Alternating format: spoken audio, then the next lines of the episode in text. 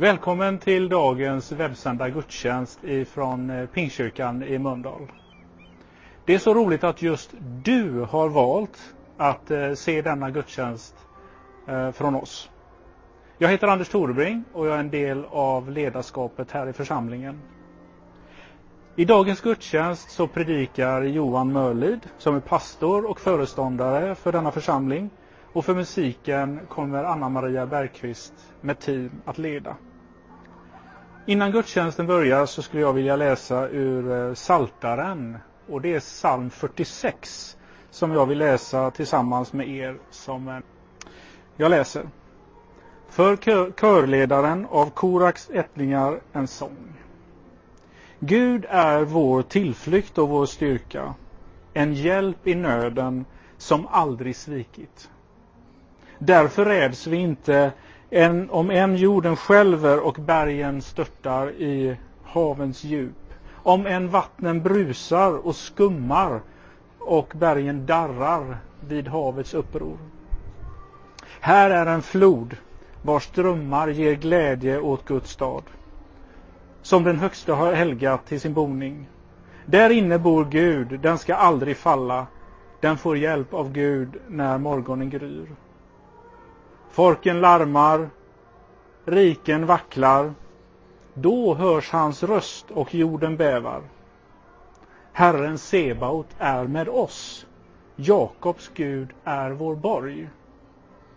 Kom och skåda Herrens gärningar som slår världen med skräck. Han gör slut på krigen över hela jorden. Han bryter bågen och bräcker spjutet. Sköldarna bränner han upp i eld lugn. Besinna att jag är Gud, upphöjd över folken, upphöjd över jorden. Herren Sebaot är med oss. Jakobs Gud är vår borg. En sån mäktig Gud vi har. Han säger, jag är er borg och er. Vi ber tillsammans för gudstjänsten.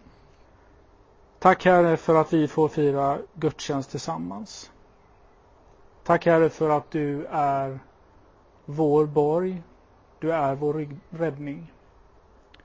Tack för att vi också kan känna oss trygga i att du har allting under kontroll. I denna tid, Herre, så finns du till, Herre, för oss som alltid. Vi kan vända oss till dig, Herre. Där kan vi finna ro. Herre, så ber jag dig för gudstjänsten som vi ska ha idag tillsammans. Jag ber dig för alla medverkande, Herre. Jag ber dig, Herre, för alla som lyssnar till denna gudstjänsten, som följer denna webbsändning. Välsigna var och en, Herre. Jesu namn. Temat för sommarens gudstjänster i Mölndal pingst är Saltaren. Vad är Saltaren då för en bok? Jo, men Saltaren betyder lovprisning, det är pluralis. Det är en bok som är tänkt att sjungas och ackompanjeras med hjälp av olika instrument. Psalm 150 räknar upp minst åtta stycken och däribland också dans. Saltarens skönhet är dess variationsrikedom i fråga om stil, livserfarenheter, känslor och livslärdomar. Boken omspänner en period på över tusen år och är en skattkammare full av berikande teologi, vägledning, inspiration, tröst och stor igenkänning. Min bön är att sommarens salmer ska hjälpa dig att hitta tron på Gud eller växa till i din tro på Gud. Ha gärna den aktuella salmen uppslagen medan vi predikar så är det också lättare för dig att följa med. Låt oss be. Vi ber Gud, öppna dörren till den berikande skattkammaren, saltaren.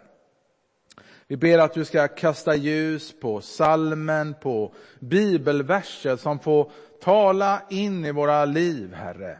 Hjälpa oss att vidga perspektiven. Vi ber så i Jesu Kristi namn. Av någon underlig anledning så verkar det finnas ett behov att tala om stress, skriva om stress i semestertider. Det finns två ord som kännetecknar människans tillvaro. Det är brådska och bekymmer. Det är som om människan vill hinna med så mycket som möjligt innan livet här på jorden tar slut. Livet är kort. Jakob skriver i Nya testamentet i sitt eget brev, vad är ert liv? Ni är en rök som syns en liten stund och sedan försvinner. Du som lever som om detta livet här på jorden är det enda, bör lyssna lite extra här idag.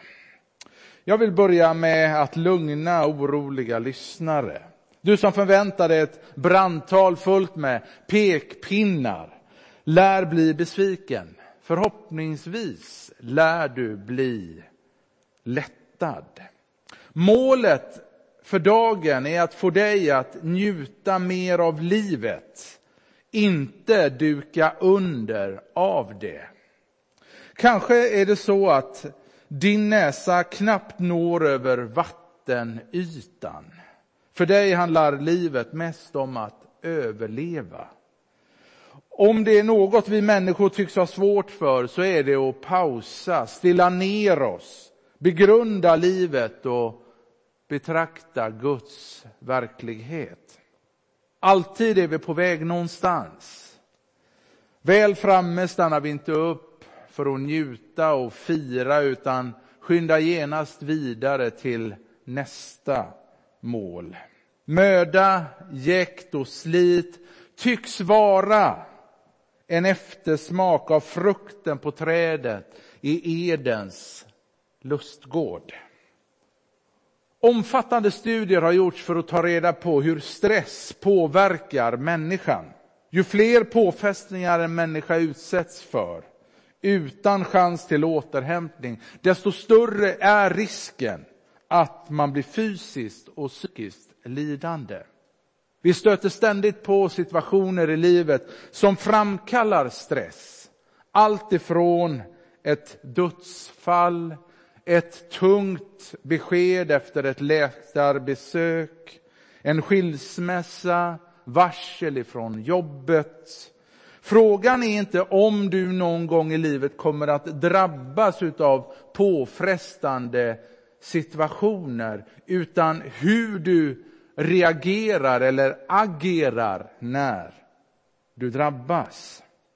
En psalm som är skriven just under en mycket påfrestande situation i psalm 46. Du hörde Anders Torebring läsa just denna psalm i början av gudstjänsten.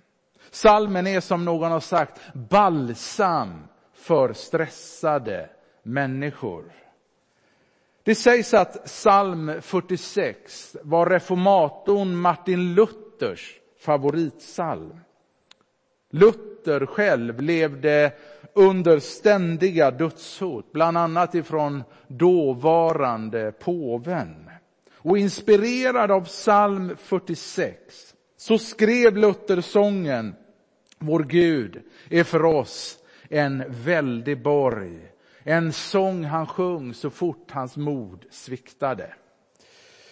Det är värt att notera att eh, psalmerna 46 till 48 kom till efter storslagna händelser i Israels historia och det är inte omöjligt att de allihopa speglar samma händelse.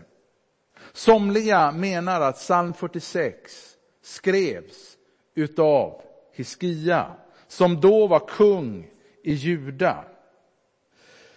Det var under hans tid som den assyriska armén invaderade landet och byar plundrades och 200 000 människor tillfångatogs. Och omringad av 185 000 assyriska soldater så var det bara en tidsfråga innan Jerusalem skulle falla. Men den assyriska kungen, han hade inte räknat med Hiskias Gud. Hiskia berättade för Gud om sitt nödläge, varpå Herren sände en ängel som en enda ängel som förgjorde den assyriska armén. Och du läser om detta i Andra Konungaboken kapitel 18-19.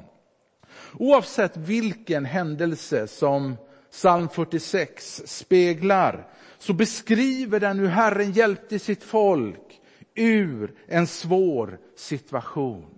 Salmen är skriven för dig som går igenom en besvärlig tid eller någon gång under ditt liv kommer att göra det. Men kanske du frågar, ska ett kristet liv verkligen vara besvärligt? Borde inte ett kristet liv åtminstone, till skillnad från kanske ett liv utan Gud, vara fri från besvärligheter och prövningar? Du förstår, Gud som vår borg betyder inte att kristna är immuna mot lidande. Ingenstans i Bibeln så står det att ett kristet liv är ett problemfritt liv. Gud är vår borg mitt i nöden. Inte någon som skyddar oss och isolerar oss ifrån det. Psalm 46 nämner allt ifrån naturkatastrofer och krig. Och om vi därtill lägger Hebreerbrevet så har vi liksom en lista med ännu fler prövningar. Kristna är inte fråntagna lidandet. Frågan är inte om prövningarna kommer, utan som jag sa förut, hur vi agerar när de gör det. Tack och lov så har få av oss upplevt krigets fasor. De kom ju väldigt nära under flyktingvågen 2015. Och när man fick lyssna till många av flyktingarnas liv så förstod man att de verkligen hade varit med om fruktansvärda upplevelser. Och jag tänker blotta tanken på 185 000 soldater som omringar en stad ger ju en tanke om att det måste ju varit fruktansvärt skrämmande. Men även om få av oss har upplevt krigets fasor så har vi alla känt oss pressade. Kanske av sjukdom, av en tung arbetsbelastning och så vidare. Och i de lägena är det lätt att tänka att Gud har övergivit en. I det läget är det lätt att tänka, vad är nu Gud när han behövs? Som allra mest. Det är därför jag gillar salmens inledning. Bra sånger har ett bra intro. Salmens preludium, inledning, är oerhört mäktig. Lyssna. Gud är vår tillflykt och styrka, en hjälp i nöden, väl beprövad. Frågan är inte om Gud pallar förtrycket, utan om vi kommer att lita på att det som vi nyss läste om Gud, att det är sant. Resten av psalm 46 är psalmistens brandtal för Guds tillräcklighet. Gud är orubblig. Gud är vår tillflykt och styrkan, hjälp i nöden, väl beprövad. Därför räds vi inte om jorden ger vika och bergen störtar ner i havens djup om vågorna brusar och svallar så att bergen bävar vid dess uppror. Och så står det där ordet sela, stopp, paus. Hoppa inte över ordet sela. Du har det tre gånger i salmen. Det står där för att noteras. Det betyder känn med salmisten. Stanna upp, pausa, tänk på det som står, som sagts dessförinnan.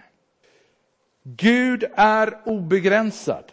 En ström går fram med flöden som ger glädje åt Guds stad.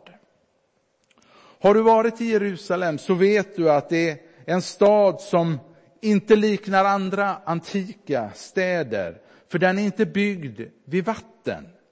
Närheten till vatten var ju bra att ha just under belägringar. Men vad den assyriska kungen inte visste var att kung Iskia hade låtit bygga en underjordisk källa som försåg och försörjde hela staden med vatten. Strömmen som flödar fram är en bild på den eviga källan, Gud själv, som bor där inne och därför vacklar den inte. Tror du att den Gud som besegrar arméer med sin röst också vill hjälpa dig? Såklart han vill. Salmens refräng, vers 8 och 12, belyser två gudomliga egenskaper som belyser varför vi kan lita på Gud. Herren Sebaot är med oss. Jakobs Gud är vår Gud. Gud är Herren Sebaot, härskarornas Gud, universums skapare och änglarnas Herre. Gud är ingen klen gammal gubbe med vitt skägg som sitter där uppe på en stol och ser allmänt trött och hängig ut. Nej, Gud är mäktig, han är odödlig, evig. Han är helig, vilket betyder att han är den ende i sitt slag. Det var under belägringen som kung Hiskia yttrade orden, ty med oss är en som är större än den som är med honom. Med honom är en arm av kött, men med oss är Herren vår Gud. Du kan helt enkelt lita på härskarornas Gud. Härskarornas Gud är också Jakobs Gud. Och då kan man ju fråga sig, Jakobs Gud, är det verkligen ett så klokt namn? Jakob betyder ju på hebreiska bedragare. Hur kan Jakobs Gud vara vår borg? Vore det inte bättre med Abrahams Gud, trons gigant? Eller varför inte Israels Gud som var det namn som Jakob fick efter att ha brottats med Gud? Nej, salmisten begick inget misstag. Hans poäng är Guds fantastiska nåd.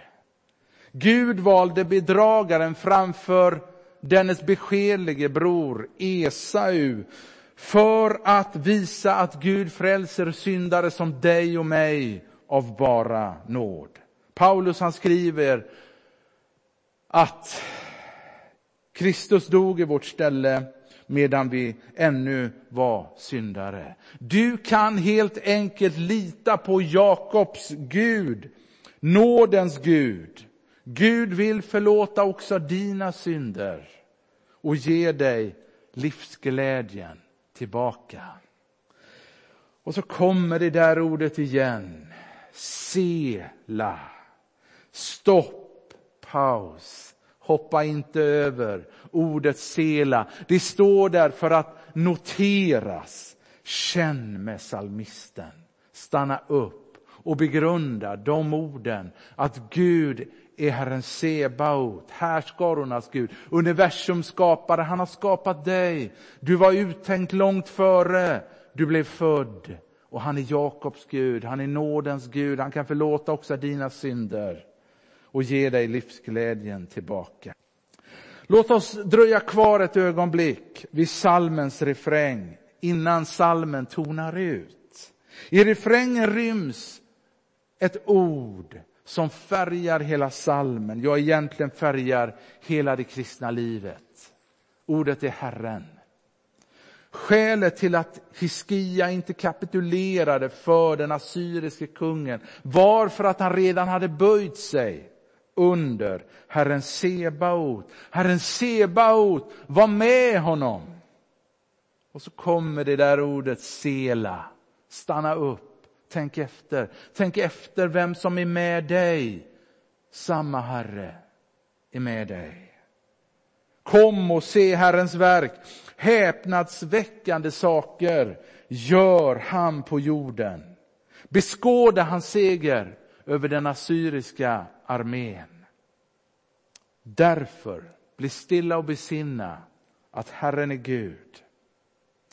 Eller bokstavligt talat, bort med händerna. Släpp kontrollen. Låt mig vara Gud i ditt liv.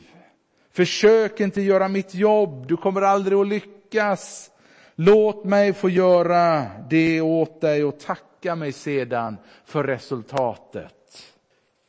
Våra prövningar visar ofta vilka vi är och vad som döljer sig på vår insida. Det är i prövningarna vi söker oss till det vi litar allra mest på, har någon sagt. En alkoholist söker sig till flaskan, en narkoman söker sig till drogerna. Men en kristen däremot borde vända sig till Herren.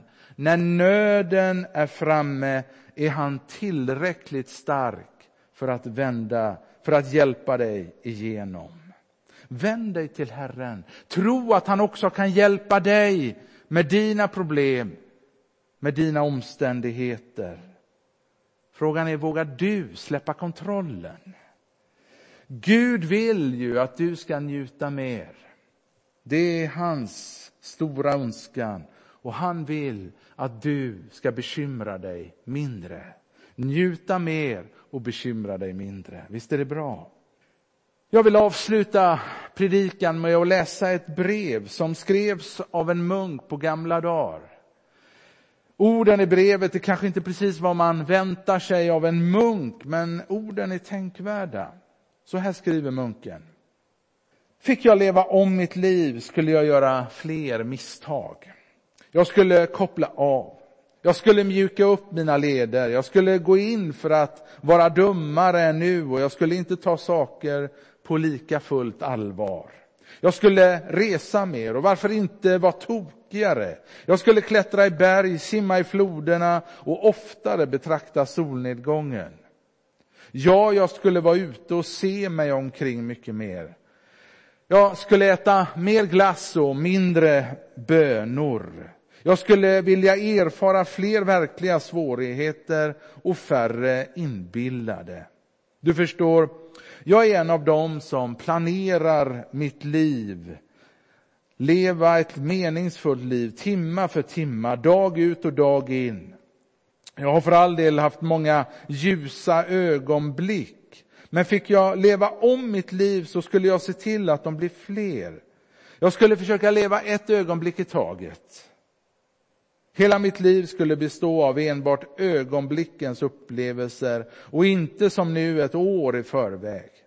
Jag har varit en av de människor som aldrig gått någonstans utan termometer eller en vattenflaska, flår, regnrock, magnesyl och en fallskärm.